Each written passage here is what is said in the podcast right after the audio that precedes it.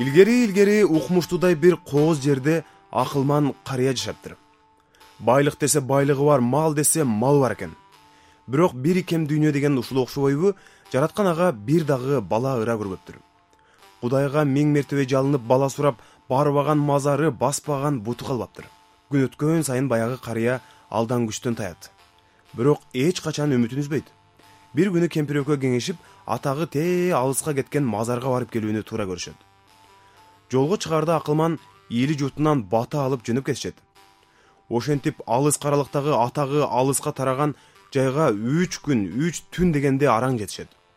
Барып максаттары кабыл болуусун суранып кайра кайтып келе жатканда жолдон жалгыз түп даракка кезигешет жол азабы көр азабы дегендей чарчап чалыккан кемпир чал суу жутмакка баягы дарактын түбүнө отура калышат.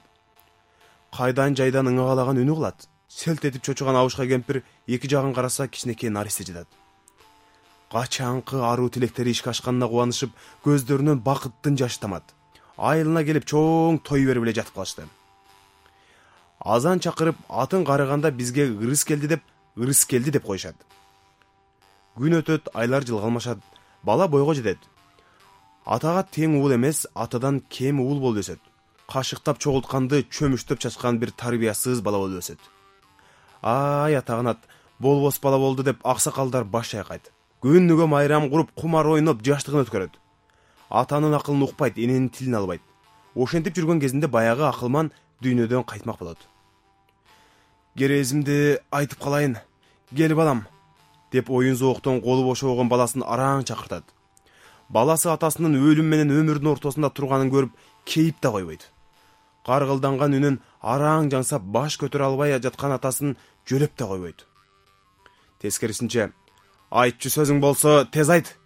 Досторум күтүп калды деп атасын демитет каңырыгы түтөгөн атасы айла жок сөзүн баштайт.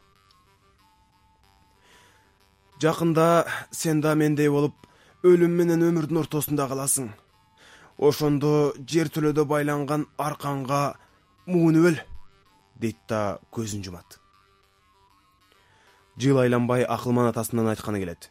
Ырыскелди катуу ооруп жанындагы достору андан алыстап кетишет. Калтырган байлыктан жок же ден соолугунан жок аябай кыйналат.